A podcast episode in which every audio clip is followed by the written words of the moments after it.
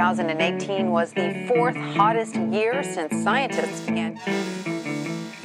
Wildfires are made worse, and wildfire season is three months longer because of climate change.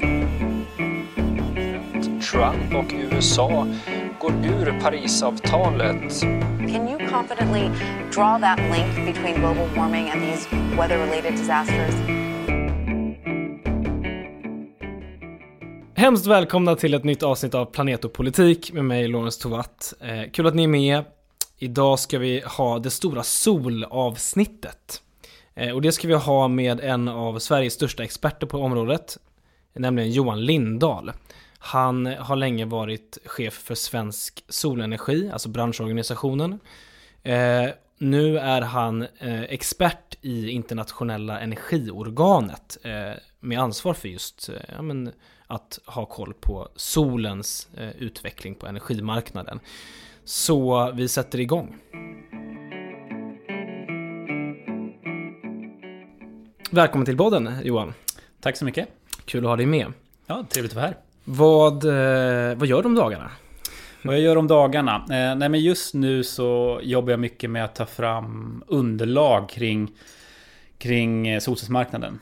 Både statistik och, och ja, andra typer av information om både den svenska och internationella solcellsmarknaden.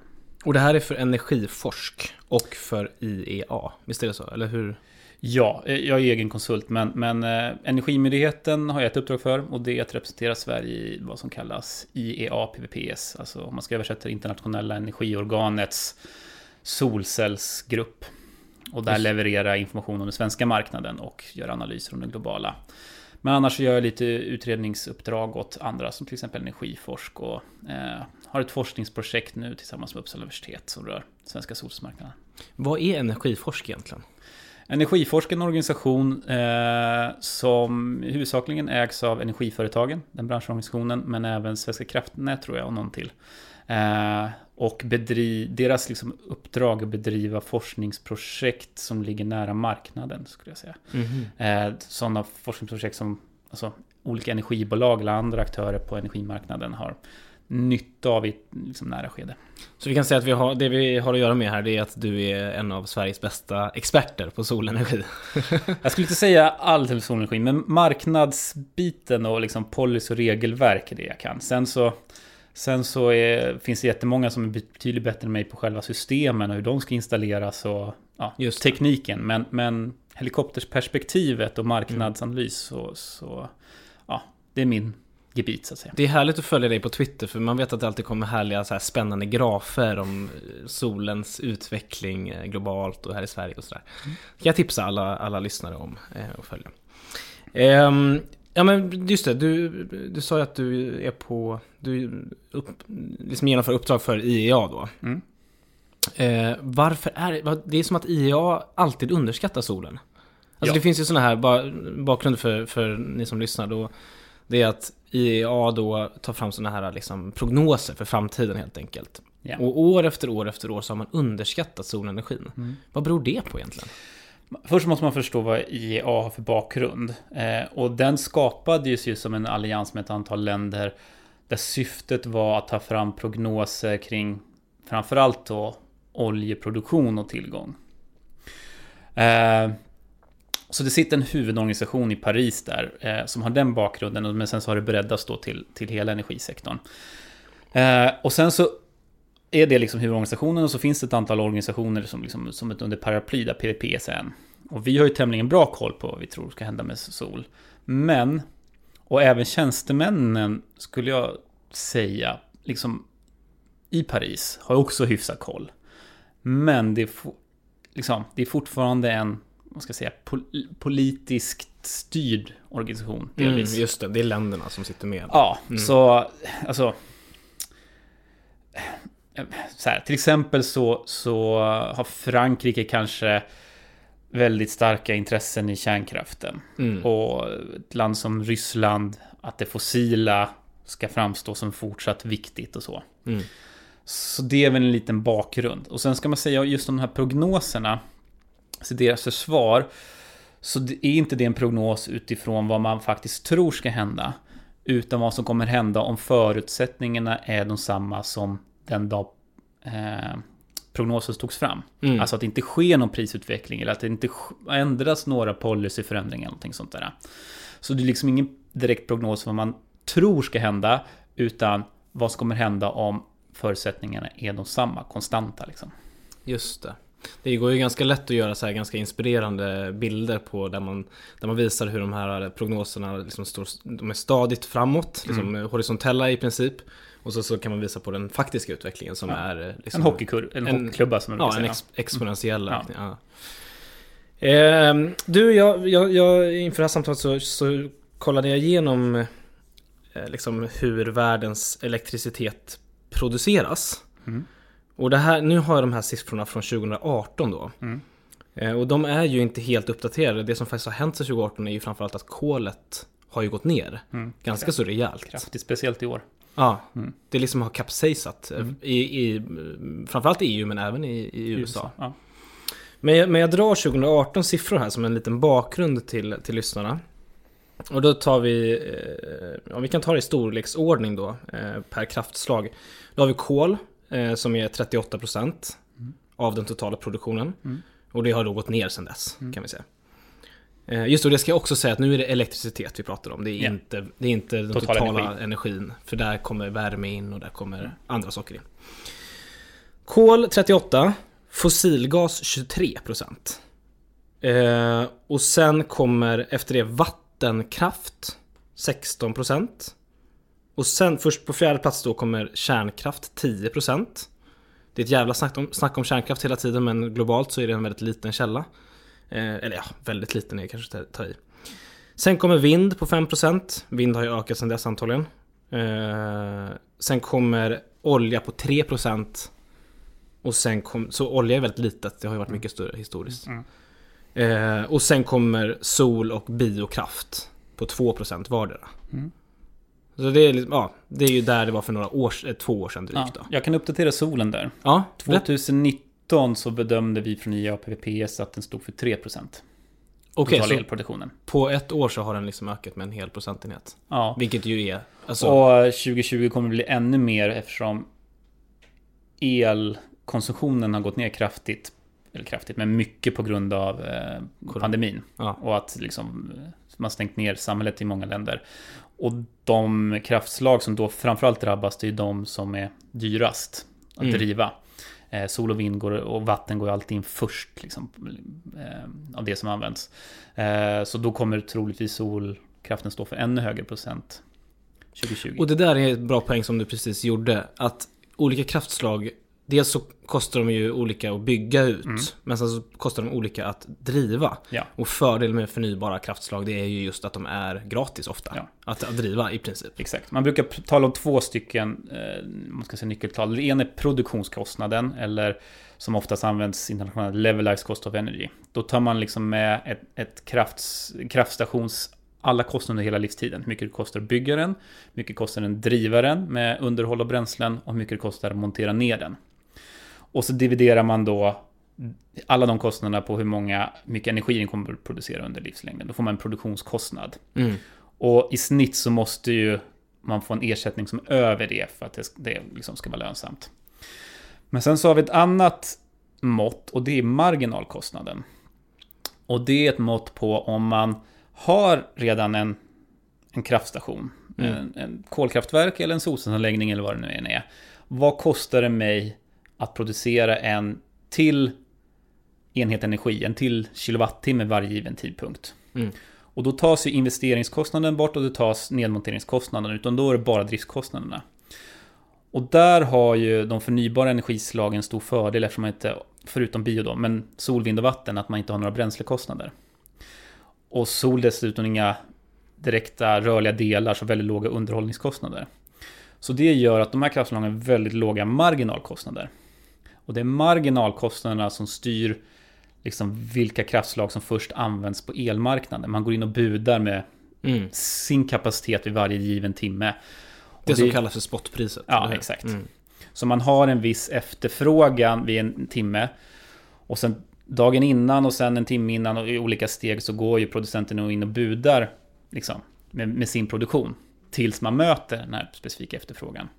Och då kommer de med lägst marginalkostnad användas först. Mm. Och det är det som gör nu när man bygger ut sol och vind i stor utsträckning att man puttar bort framförallt kolen nu från timmar när den kan få lönsamhet Mm. och kan användas. Det här är ju, alltså nu, nu slängde vi oss direkt in i väldigt komplicerade saker här tycker jag. Men, men det här är ändå väldigt, väldigt viktigt för att när vi, eh, ja, vi ska, det här liksom, samtalet ska inte vara partipolitiskt, men liksom när, när jag brukar argumentera för just förnybart så brukar jag försöka förklara det att eh, den, en av de stora fördelarna är just detta med att vara fri från bränsle. Alltså man behöver inget input till produktionen. Nej. Alltså inputen finns där redan i form av vind eller sol. Ja. Eh, och det är ju det som är så himla, det är därför konkurrenskraften på sikt kommer vara så uppenbar för dem, eller även, även nu är så uppenbar jämfört med de kraftkällor som liksom använder olika typer av bränslen. Oavsett om det är kol, om det är kärnkraft, alltså även uran. Men det kostar ju naturligtvis. Även om den bränslen är billigare än kolen och gasen oftast. Ja, Mm. Jo precis. Men där har du andra kostnader och så vidare. Mm. Nej men den stora nackdelen med vind och sol har ju varit investeringskostnaden. Att det var dyrt att bygga själva kraftverket eller Mm, systemet. Mm, ska kalla det. precis. Och det är ju där vi har sett en prisutveckling vilket har gjort att det blivit konkurrenskraftigt. Ja, jag tänkte komma in på det. Vi kan, vi kan återkomma mer till så hur marknaden ser ut. Men, men eh, om vi börjar med själva tekniken eh, och liksom teknikutvecklingen. Eh, vad, alltså vad har hänt de senaste tio åren? För det är, det är liksom spektakulära utveckling, en spektakulär utveckling, eller hur? Alltså, Absolut. när det gäller prisfall. Om vi börjar med prisfallet, vad har hänt? eh, vi kan till, gå tillbaka ända till 70-talet. Eh, då kostade en modul ungefär 100 dollar per watt. Och när jag säger watt då, det är vilken produktionskapacitet den har. Just det. Eh, i vilken, vilken effekt den genererar vid en viss liksom, standard solinstrålning.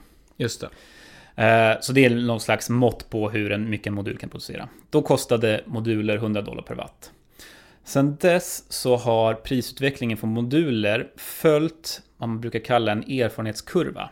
Mm. Moores lag, det här med att man liksom eh, ja, transistorer och elektronik hela tiden blir mindre takt. Det, det är ett exempel på en sån erfarenhetskurva. Men erfarenhetskurvan för solcellsmoduler har varit att varje gång solcellsmarknaden dubblerats, alltså att vi har fått dubbelt så mycket solceller på marknaden, så har priserna gått ner med 20-30%. Okej. Nu för tiden ligger det närmare 40% de senaste åren. Men ända sedan 70-talet... Alltså det har gått ännu snabbare. Ja. Eh, sen 70-talet har följt den kurvan. Så varje gång vi har installerat dubbelt så mycket solceller i världen så har priserna gått ner med 30%. Och det gör, om vi säger att det kostade 100 dollar per watt på 70-talet. Så nu ligger det nere, ja, snittpriserna på eh, 0,25 dollar per watt. 0,25 dollar per watt. Ja. Ja. Så det är den prisutveckling som skett på moduler. Jag har sett ungefär samma eh, utveckling på växelriktare, en annan hårdvara. Vänta, du får förklara de här olika, Mm. alltså moduler, det är, en, det är en solcell kan man säga. Alltså, i, i en... Solcellerna är enskild, liksom, det är de som skapar elen. Mm. Men en solcell, oavsett area, eh, genererar ungefär en halv volt i spänning. Och sen så är det arean som be, eh, liksom bestämmer hur mycket ström man får ut från den. Ja, hur stor den är. Ja, hur stor Ja, den är, arean på den. Men att driva någonting med en halv volt är... Ja, det är inte så bra, man får stora förluster. Mhm. Så då gör man precis som med batterier i olika applikationer, att man seriekopplar dem. För varje gång du adderar liksom den här så ökar spänningen. Eh, och det är det man gör i modulerna. Man seriekopplar ett antal solceller för att få upp spänningen för att minska förlusterna i det man driver. Så en modul består av massa solceller och sen kan man seriekoppla eller parallellkoppla modulerna som man vill för att få ut den effekt. Mm. Och, för det är den man är intresserad av, effekten. Eh, och effekten är ju spänning gånger ström. Och de här modulerna då, det är de som har då Ja. eh, skjutit neråt Ja. i, i pris. Och det är en av huvudkomponenterna. Och en modul producerar då likström. Men i de flesta av våra applikationer och våra vägguttag så har vi växelström. Då behöver man också en växelriktare som omvandlar det från likström till växelström. Och det är en annan av liksom, huvudkomponenterna i ett solsystem. Mm. Sen så har du lite monteringsmaterial för att hålla det uppe. Så det är egentligen det som är materialkostnaderna, lite annan elektronik. Men som vi var inne på, solcellsmodulerna var de som var dyrast, liksom. Mm, mm, mm. Ja, den dyraste komponenten och det har gått ner mycket. Vi har sett ungefär samma typ av erfarenhetskurva och prisminskningar för även växelriktarna under de här åren. Eh, vilket har gjort att nu styrs mycket av liksom den totala solsystemkostnaden är en betydligt mindre del hårdvara och mer arbetskraft liksom vad det eh, kostar Ja, just det. att Just det. skö- sköta själva installationen. Själva materialet har alltså. Okej, Ja. så de stora penseldragen är att det har liksom skett en dramatisk, ett, ett dramatiskt prisfall. Ja. Och det är ju sedan 70-talet som du nämnde. Men den stora fallet har skett senaste 10 åren va? Nej, det är snarare så att det, det, liksom det snabbast, snabbast gick det ju när vi när det gick snabbt att dubbla installationsvolymen. Så det blir liksom att det gick snabbare tidigare och nu planar det ut lite. Just det, men däremot har Om man, om man sätter på en ökningen- tidshorisont. Just det. så. Men ökningen på marknaden har ju skett snabbare nu senast. Ja, ja, det är nu liksom Ja. det stora utbyggnaden sker. Ja. Men det tar ju längre tid att dubblera en marknad nu som är på 600 gigawatt som det var nu. Att dubblera det tar ju kanske en 5-6 år. Ja, Medan när det var en väldigt liten marknad så kunde man dubblera marknaden betydligt snabbare. ja. Och så dramatisk utveckling senaste eh, 70, ja. Nej vänta, vad blir det nu? 50 åren. Ja.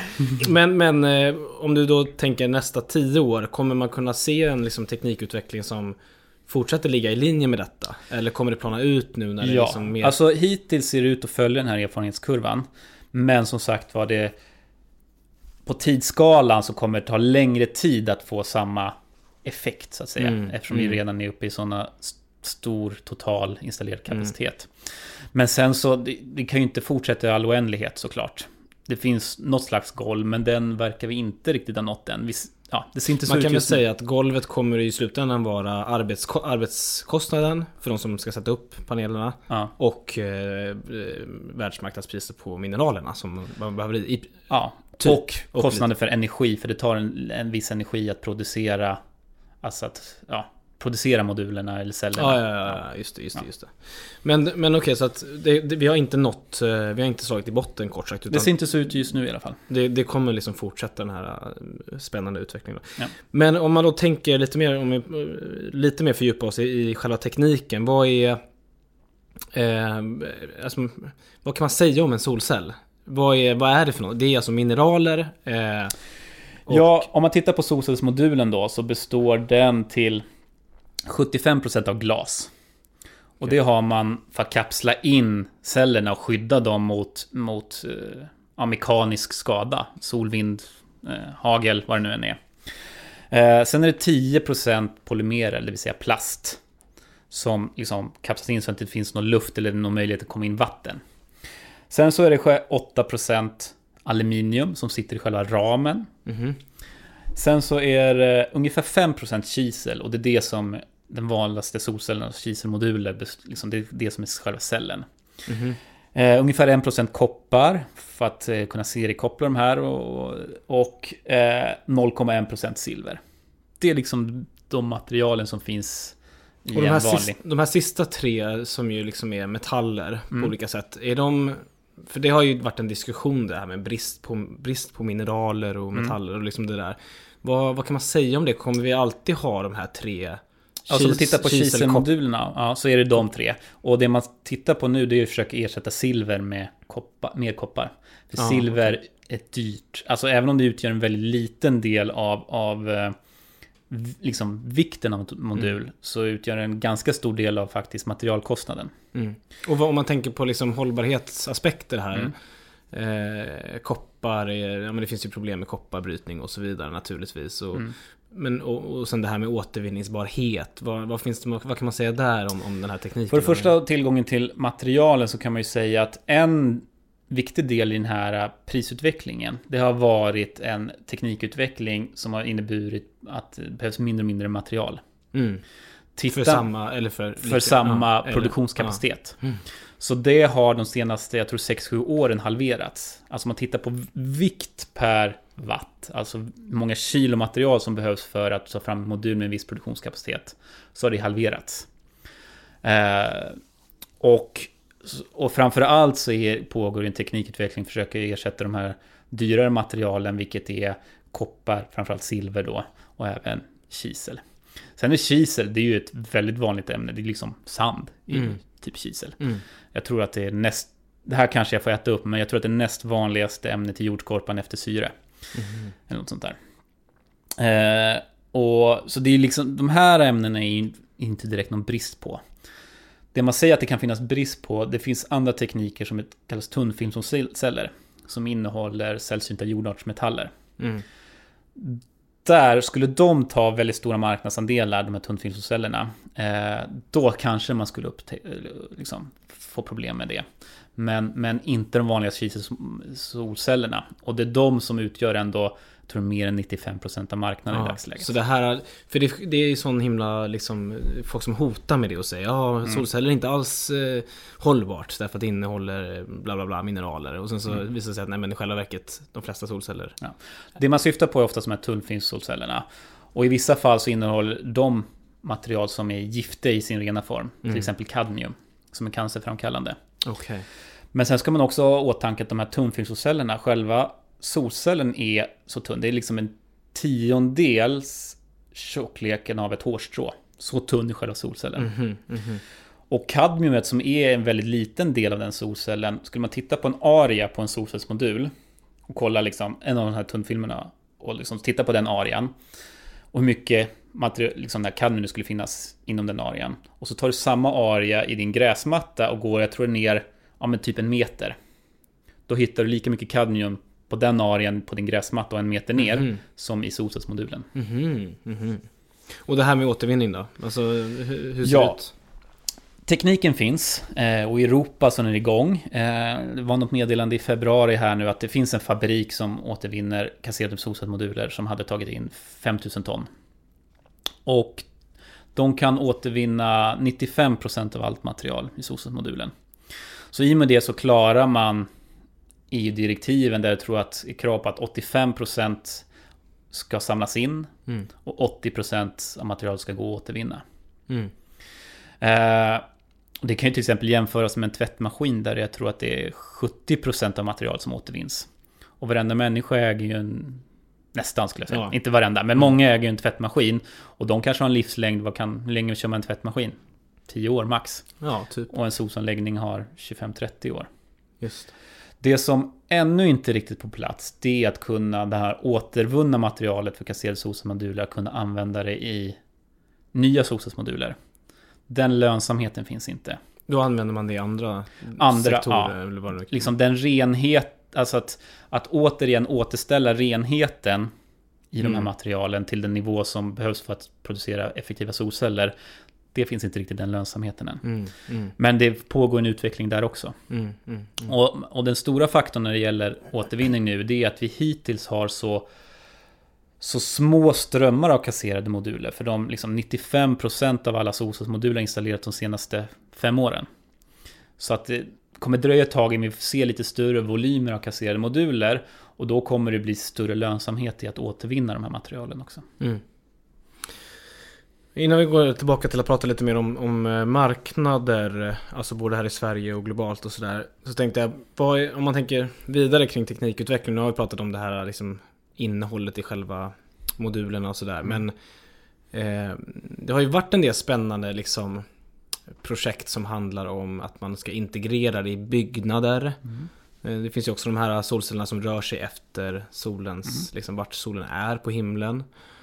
Vad är trenderna där tror du? Eh, Jag tror, är det inte Tesla som har den här idén, eller de här Absolut. takplattorna som är... De är långt ifrån ensamma ska man säga. Men de ja, de är, det är så? ja, Ja, ja. okej. Eh, Deras, är väl inte, deras takintegrerade lösning är väl inte riktigt ute på marknaden, men det finns flera andra och svenska företag som tillverkar spännande. eh, byggnadsintegrerade. Det man kan säga om byggnad, om vi börjar där med byggnadsintegrerade solceller. Dels så blir de ju snyggare ja, generellt sett. just det. Men annars är de ju oftast lite dyrare än ett vanligt solcellssystem man sätter på taket. Den stora fördelen är att om man kan liksom sätta in sådana byggnadsintegrerade när man ska bygga nytt eller ändå behöver byta taket. Då kan man både få kostnads och, och miljöfördelar. Mm. Eh, för då kan du ersätta ett annat material med solcellerna. De kan vara själva klimatskalet. Mm. Eh, om, jag, för mig var det så personligen. Klimatskalet, det får du förklara. Ja, Alltså men om en byggnad har ett klimatskal, det som håller ute liksom, väder och vind. Ja. Eh, det som liksom, där vatten får inte penetrera och Ja. fukt och sånt. Det kallar man klimatskalet. Mm. Och för mig var det så personligen. Jag hade liksom, när jag köpte vårt hus så var, fanns det en eh, komplementbyggnad som var i väldigt dåligt skick där vi behövde byta taket. Och jag kollade. Eh, ett nytt plåttak skulle kostat ungefär 170 000. Och så kollade jag vad skulle ett nytt plåttak med integrerade solceller kosta? Ja, då hade det totalt kostat 195 000 för mig. Mhm. Så jag fick liksom solcellerna extra för 25 000, vilket gjorde att jag fick en väldigt kort återbetalningstid utifrån hur mycket de producerar. Så det är vid de tillfällen när man bygger nytt eller ja, ska renovera som byggnadsintegrerad har en, liksom en stor fördel både ekonomiskt men också ja, miljömässigt. Att du spar in andra typer av material än om att sätta solceller på ovanpå liksom en befintlig material. Ja, men det känns som att eh, möjligheterna här är stora. Ja, Alltså det känns som, det, är- det är mycket sådär man ser på Facebook, olika filmer som skulle vara, ska vara inspirerande men liksom att motorvägar ska täckas med solceller. Alltså det finns ju, det finns ju många så här. det finns, det känns som att det, tekniken liksom, lite att vi bara är i början där, Mm. tänker jag. Ja, absolut. Och du nämnde också att integrera bilar. Där, har du, där sker en utveckling nu. Ja, Jag tror att det var alltså tyst på bil. i bilkarossen liksom. Ja, ja, ja. Eh, och det var en nyhet som släpptes här under våren. Ett tyskt institut som hade tagit fram ett biltak med integrerade solceller. Eh, som skulle kunna addera då en 300 watt. Om man ska översätta det till någonting så skulle det innebära en förlängd körsträcka med ungefär 10 km en solig dag. Jaha, okej. Till elbilen. Ja. Och 10 km, det är inte jättemycket men det är lite grann. Men den stora fördelen är ju om du parkerar bilen någonstans där det inte finns en laddstation. Så kommer ju den stå och ladda upp under tiden. Mm. Eh, den står parkerad där. Så, ja, men som exempel, om jag ska ut och vandra i fjällen och ställer mig någonstans där det verkligen inte finns någon laddstation och är borta några dagar, ja men då kommer den troligtvis vara fulladdad Mm. liksom. Mm. Eh, Så där jobbas det mycket, framförallt i Östasien, på att ta fram koncept med att integrera eh, solceller i elbilar. Det är ju jättespännande. Jag tänker bara på... eh, Det är ju i princip så att man nästan skulle kunna klara sig utan egen laddstolpe hemma. Om man, men om man, så här, man åker till jobbet och så, och så laddar den. Ja. Kanske inte i Alltså- Sverige med våra mörka vintrar. Nej, kanske inte riktigt. Nej, vinterhalvåret kanske blir lite tufft. Men, Men, men, i eh, andra länder, om man inte använder den... Eh, alltså om man använder den sällan så ja, kanske. Ja, spännande. Men, men tillbaka till, eh, vi har pratat lite om det här, liksom den, den tekniska utvecklingen, men så har vi, det är ju förstås kopplat till marknaden, men och så har vi nämnt att då, liksom nu har sol passerat olja på elektricitetsmarknaden Mm. globalt. Eh, hur ser det ut i Sverige? Eh, där står den, vid slutet av 2019 bedömde jag det till 0,3%. Det är så lite ändå. Nej, 0,4. förlåt 0,4. mig. 0,4. Ja. Eh, och där ju- måste man göra en bedömning för eh, i Sverige så är det en väldigt stor del av solelproduktionen som inte når ut på elnätet, vilket den inte registreras officiellt då. Utan den konsumeras ju inom byggnader där den, där de Precis. sitter. Och då registreras inte det. Nej. Nej, precis. Och det, vi har ju länge varit sämst i Europa, typ. Ja, inte sämst Inte säga. sämst. Nej. Men, vi, men jo, men för några år sedan var det verkligen riktigt... Nej, det har alltid varit länder som Irland, Norge, Island, Finland har alltid Ja, legat efter oss. Och Okej. många länder i Östeuropa ligger fortfarande efter oss. Okej, Ja. okej. okej. Tyvärr ska man väl säga. Men, Ja. ja. Men om man jämför med liksom Ja men de eh, the usual suspects Tyskland, Italien, Spanien Då är vi långt efter ja, då, liksom, Italien är väl som högst. De ligger väl uppe på 8-9 procent. Ja. Ja.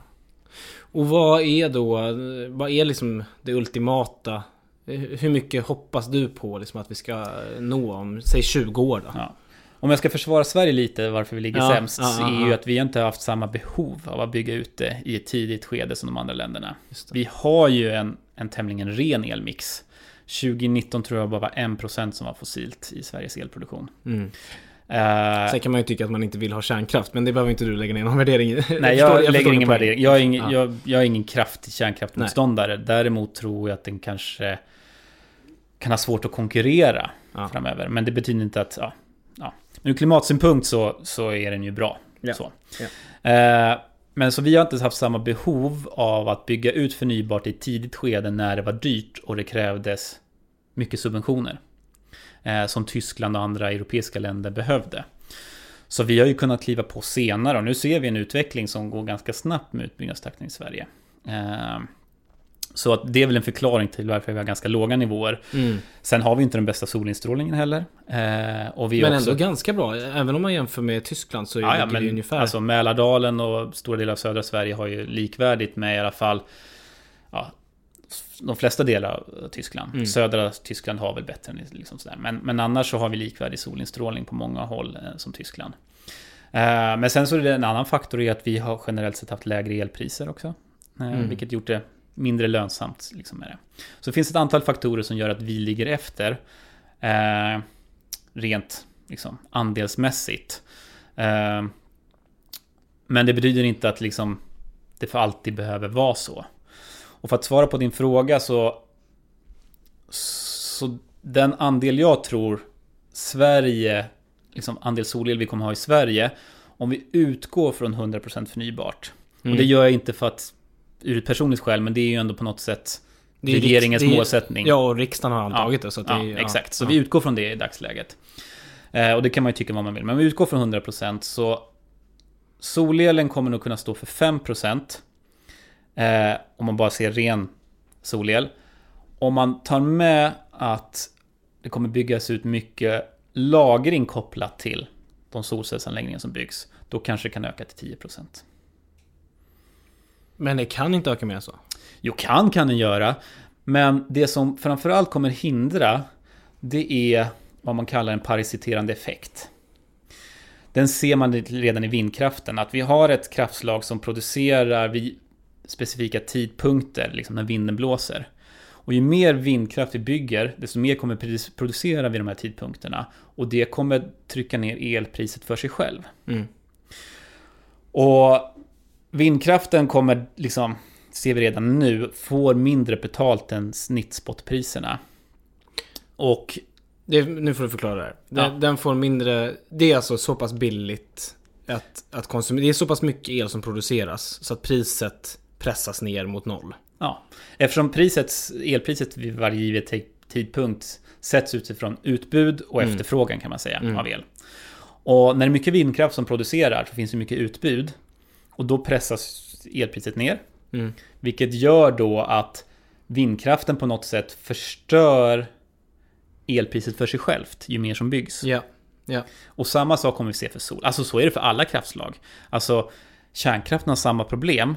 Mm. Alltså att, Ja, för de är det ju ännu värre. För, att, för att där, där har de ju en driftskostnad. Eller de har ju kostnad på grund av att de har... nej men ja, men liksom att all kärn, i stort sett kärnkraft producerar ungefär samtidigt. Som an, en kärnkraftsreaktor producerar samtidigt som en annan kärnkraftsreaktor. Ah, okej.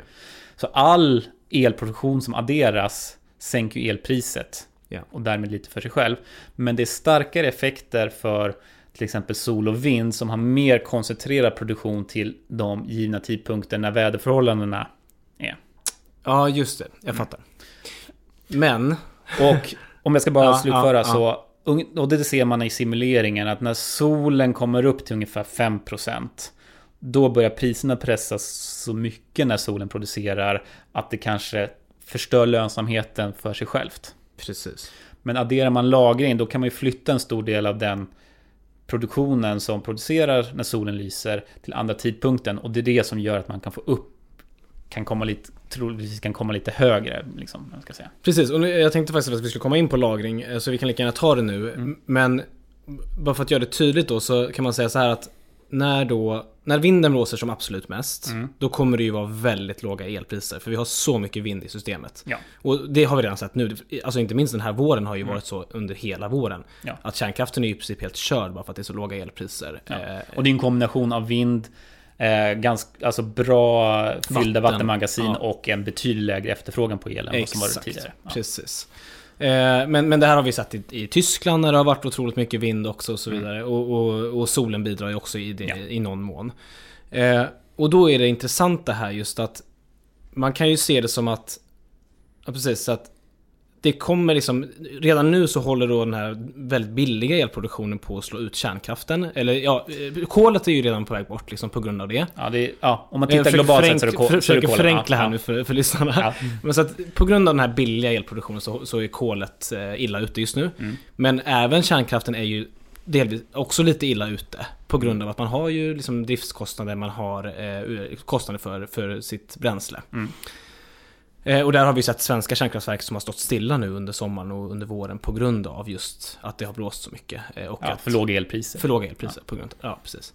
Eh, och då är det precis som du, det, det som du egentligen var inne på här, det är att eh, det kommer till en punkt där det blir så billigt så att det slår ut sin egen produktion också. Alltså det blir svårare att få lö- lönsamheten att gå ihop. Men, och det är här då lagring kommer in.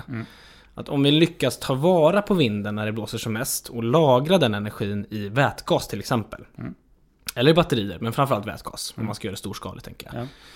Då eh, kan man ju då använda den sen när det behövs. Exakt. Det vill säga när det inte blåser. Eller när, när solen inte lyser. Och då har man plötsligt en ny, eh, ett, ett nytt värde att ta, ta vara på här. Eh, där man kan liksom få betalt för energin på nytt senare.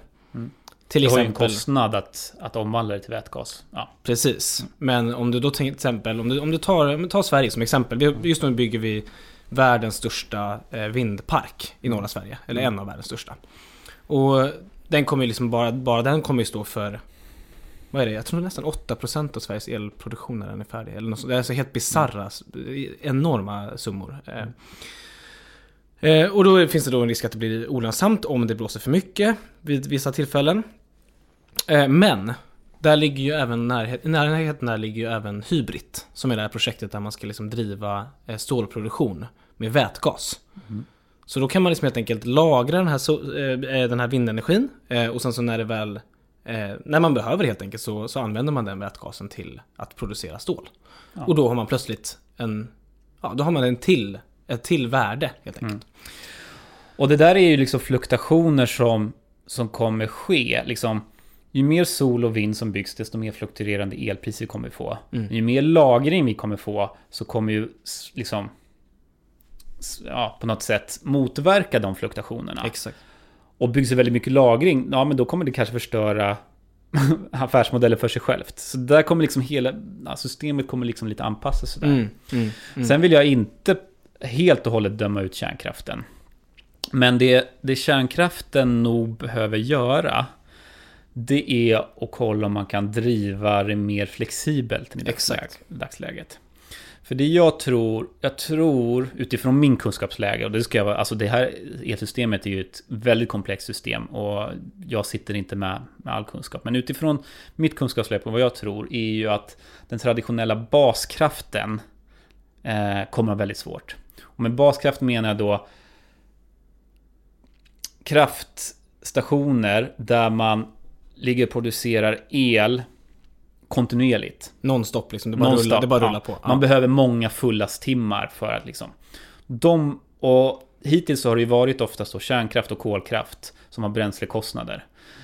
De kommer nog ha svårt framöver.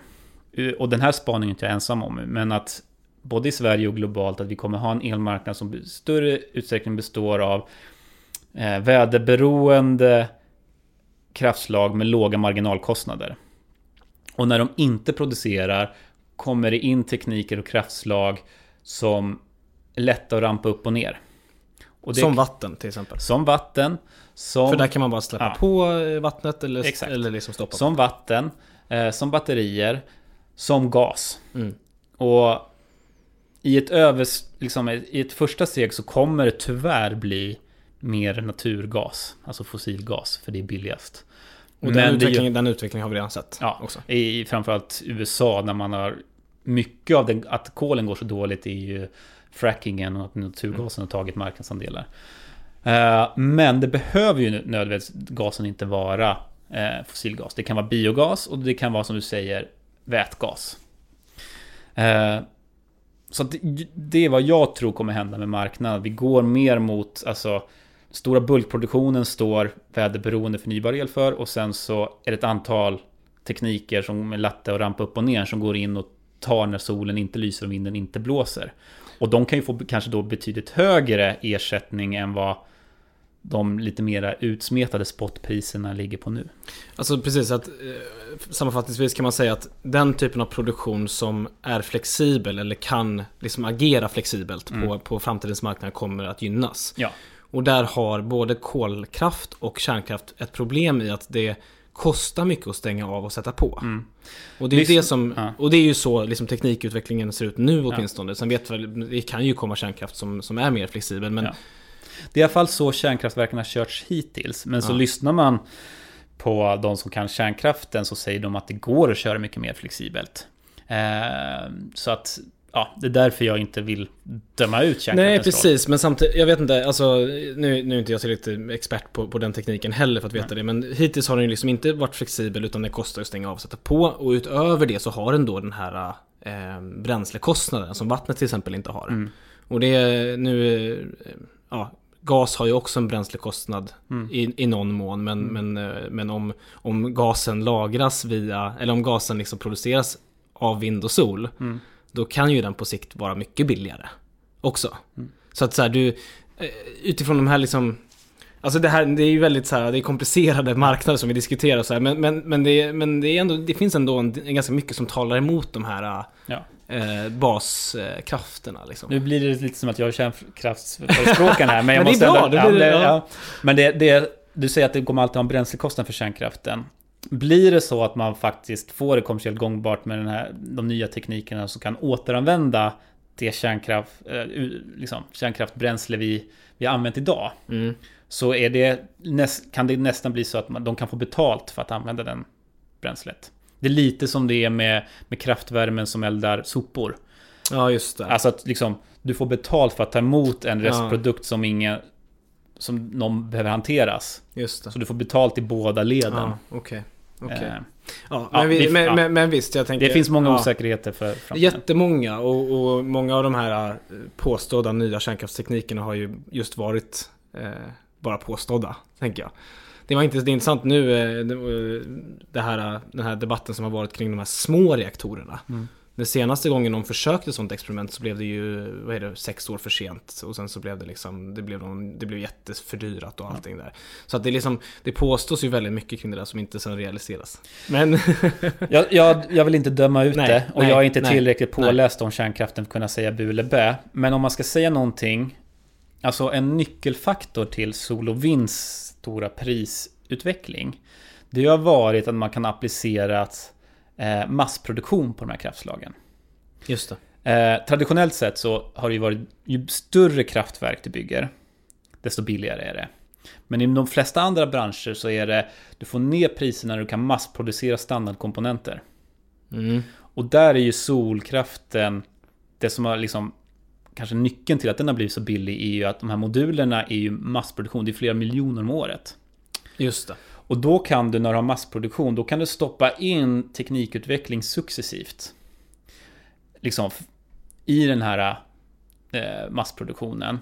Vilket gör att prisutvecklingen och teknikutvecklingen går snabbare än om du har bara ett fåtal projekt varje år globalt. Där du ska stoppa in ny teknikutveckling. Mm, mm, Som det kanske har varit för kärnkraften då. mm. Eh, Så kanske en nyckel för kärnkraften är just att se komma närmare massproduktion av standardkomponenter än ett par få stora projekt om året. Eh, Vi får se hur det blir. vi får se om det lyckas. Eh, Ja, jag tror och jag, jag personligen skulle tycka det vore utmärkt för att även om jag inte tror att vi kommer liksom ha behov av, eller att, av det i Sverige, det är min tro av kärnkraften, så tror jag att den kan ha en viktig roll i många andra länder som har inte samma goda förutsättningar till förnybar elproduktion som vi har i Sverige. Det är min personliga Ja, tro. precis. Alltså det, är- det är det här med att andra länder har inte till exempel utbyggd vattenproduktion på Nej. det sättet. Och kanske inte samma vindresurser Nej, och så. visst. Mm. Eh, ja, men när, när vi ändå pratar om andra länder, om vi, om vi går tillbaka till marknadsandelar och liknande och så då har vi liksom, ja vi har ju sol som är 3% av den globala marknaden och du, nu har du nämnt att du har någon form av, inte målbild, men en tro om att vi når mellan 5 och 10% i Sverige om 20 år. Ja. Eh, beroende på förutsättningar och beroende på lagring. Det kan vara snabbare än 20 år kan jag säga. Ja, det kan gå snabbare än så. Ja, ja. Men tio, ja, det skulle kunna gå på 10 år. Ja, men om, vi, om vi Ja. utgår från ett 100%, om vi liksom utgår från målbilden 100% förnybart elsystem. Ja. Ja. vi kommer ha kvar vattenkraften på 40%. Ja. Det kommer byggas mycket vind för det har en bättre matchning än, eh, mot, mot säsongsvariationen än sol. Vi kommer ha fortfarande biokraften kvar som kommer ha marknadsandelar. Och i det här 100% förnybara så är det rimligt att solen står för 5-10 i Sverige. Mm. Men högre andelar i andra länder. Ja, Såklart. precis. För jag, jag tänkte komma till det. Ehm, vad... Fasen, det var någonting jag skulle säga om, om svenska marknaden. Vad var det nu igen? Ah, skitsamma. Men, men ehm, eh, om vi tittar då globalt. Mm. Så man, en sån här spännande sån eh, spaning är att om man täcker, vad är det, 3% av Saharas yta med sol, då har man producerat tillräckligt energi för hela världen. Mm. Stämmer det? Ja, men, ja en, en annan sån nyckeltal. Eh, den energi som träffar jordens yta varje år via solinstrålning. Det är 8000 gånger mer än, än mänsklighetens totala energikonsumtion, inte bara elkonsumtion. Ja, just det, precis. Så det Så finns en vad- enorm potential i att utnyttja den energin. Så vad tror de andra, om, om vi tittar globalt då? 3% idag. Mm. Vad, vad ligger vi om 20 år? 6% står vi i EU till exempel. Vi är på 6% i EU nu? Ja. ja okej. Eh, alltså titt, om man li- liksom kollar på eh, man har gjort sådana bedömningar, jag tror det är IPCC till exempel. Liksom, va, eh, eh, om vi ska nå de här klimatmålen, hur behöver elproduktionen se ut? Och bedömningen som görs där det är då att solkraften eh, troligtvis kommer behöva vara det absolut största kraftslaget och energislaget i världen. Större än vind? Större än vind, ja. För i de stora delar av världen, alltså vindresurserna är bäst i liksom norra och södra regionerna av jordkloten. Alltså det blåser mest runt polerna i cirklar. Liksom. Just det. Eh, och solinstrålningen liksom från ekvatorn och uppåt och neråt. Mm. Liksom är där det är bäst solinstrålning. Och flest länder, alltså bor ju betydligt fler personer runt ekvatorn och närheten där Mm. än runt polerna i dagsläget. Okej. Så solinstrå... Så bedömningen är att solkraften kommer vara... Alltså troligtvis vara större på global nivå än vindkraften. Och många länder har ju inte då eh, kuststräckor där de kan sätta upp eh, havsvind. Nej, Där ju, exakt. För på havet brukar det ändå blåsa Ja. lite mer tänker jag. Ja. Nu kom jag på vad jag skulle säga om svenska marknaden. Nej men det här med att du sa att det kunde gå snabbare än, än 20 år. Mm. Att, eh, nej men jag var och besökte den här, eh, den eh, solcellspark som nu ska in- installeras, som är Sveriges största. Mm. Och de, jag tror att de sa att de hade satt upp solpanelerna på, vad är det, tre månader. Mm. Så att i princip från, alltså det går så snabbt Mm. att få fram det är ju det som är spännande just med, med om man tänker liksom omställningsmässigt, att det går Ja. jäkligt snabbt att få Ja. fram mycket. Och det är en av de stora fördelarna, förutom att då alltså kostnaden för material har gått ner. Så en viktig faktor är att kapitalkostnaden, alltså räntor och lånkostnader, idag är betydligt lägre för sol och vind än vad det var för några år sedan och kanske andra kraftslag. Och kapitalkostnader be- beror ju oftast i stor utsträckning på risk. Mhm. Om du ska få ett lån från banken för ditt hus och tittar Ja. de på din inkomst och tittar de så här, vad är risken liksom? Och ju lägre risk de bedömer att, att du inte kan betala tillbaks, alltså har, har du stark ekonomi, då får du en lägre ränta. Mm. Och samma sak gör man ju då med sådana här eh, projekt där man tittar på vad är risken? Och då har ju solceller och vind en fördel mot kanske kolkraftverk som tar fem år att bygga eller kärnkraftverk som ja, historiskt sett i alla fall tagit längre att bygga. Med att de kan slutföras betydligt snabbare. Du, gud vad snäll du är mot kärnkraften. De, de som byggs nu, de tar ju typ 20 år. 30 år nästan. Ah, Ja, men det, var väl någon, det, var, det var väl något i, i Mellanöstern som byggdes på 5-6 år? Ah, jag är osäker. Ja, skitsamma. Ja, Ja. ja. Men oavsett. Eh, en solcellspark kan ju liksom slutföras... De som byggs i Sverige har det tagit ungefär ett halvår från investeringsbeslut till färdig park. Ja, det är ju jättesnabbt. Och då ligger ju starten av produktionen betydligt närmare investeringsbeslutet. Vilket gör att det finns en mindre osäkerhet i hur elmarknaden och priserna kommer se ut. Mm, just det. För om du ska ta en investering i en elproduktions... En elproduktion som börjar om 10 år. Mm. Hur kommer elpriserna se ut Mm. då? Mm. Det är en större osäkerhet. Och det i sin tur, att det går så snabbt att bygga ut, gör att kapital, alltså en faktor till att kapitalkostnaderna generellt sett och liksom räntor och sånt blir lägre för de förnybara projekten. Mm. Avrundningsvis. Eh, 2040 så ska vi ha mellan 5 och 10 i Sverige procent. Eh, globalt ska det vara största källa kanske 2050. Hoppas vi. Ja, Vad, förhoppningsvis tidigare än så. Men förhoppningsvis tidigare än så. Ja. Vad krävs för att vi, vi ska nå dit? Om du, du, du får inte bre- ut dig tillräckligt. Du får inte bre ut dig jättemycket här nu men eh, liksom vad, vilka förutsättningar krävs egentligen för att vi ska... inte så mycket mer. Jag skulle säga att snöbollen är i rullning. Liksom. Ja. Eh, och att på de flesta håll i världen har vi kommit så pass att solcell, solkraften kan byggas utan subventioner.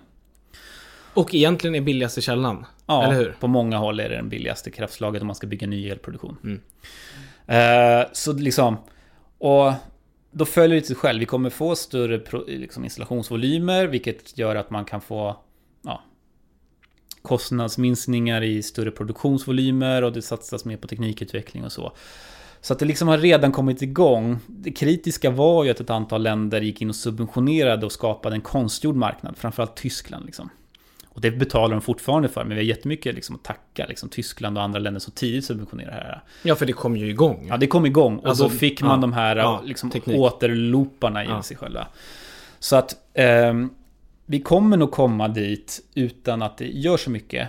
Men vill man komma dit snabbare, det är det som politiken Mm. kan driva. Liksom. Och det vill man ju. Så då tänker jag att eh, en nyckel är att man ja, Mm. Hö- höjer priset på det fossila till exempel. Eller, Ja, Liksom. genom, genom skatter men på det är fossila. generellt inte... Och den andra, om man ska säga från politikens sida, så alltså höja priset på det fossila och utsläppen Ja. kan vara en nyckel. Den andra nyckeln är för solkraften att på något sätt stöpa om marknaden så att det blir lättare för slutkonsumenter att vara en aktör på elmarknaden. Vi har kommit ganska långt i Sverige och Europa, men i många länder så är det fortfarande att du kanske inte ens har rätt att som slutkonsument installera solceller. Du menar att kunna till exempel sälja elen? Ja, Eh, på, Ja. Ut på marknaden? Ja. Ja. just det. Exakt. och få bort liksom administration och regelkrångel Ja. kring det. Och det har ju sin bakgrund att tidigare fanns inte, liksom, det fanns ingen möjlighet för en liten aktör, en företag eller privatperson att vara egen elproducent. Mm. Så därför byggdes hela lagstiftningen upp utifrån det. Men där finns ett, jobb att göra för politiken i många länder och Mm. fortfarande även i Sverige. Jag skulle säga att vi inte hamnar. Underbart! Tusen tack för att du var med i podden. Tack så jättemycket för att du bjöd in mig. Kul att ni har varit med och lyssnat idag. Eh, vi hörs igen om en vecka. Tills dess så kan ni kontakta mig på Twitter eller Instagram om ni vill. Ni kanske vill skicka med massa kritik eller ni kanske vill skicka med tips eh, på gäster framöver. Eh, tack också till Christian Hanner som eh, hjälper mig att klippa. Vi hörs!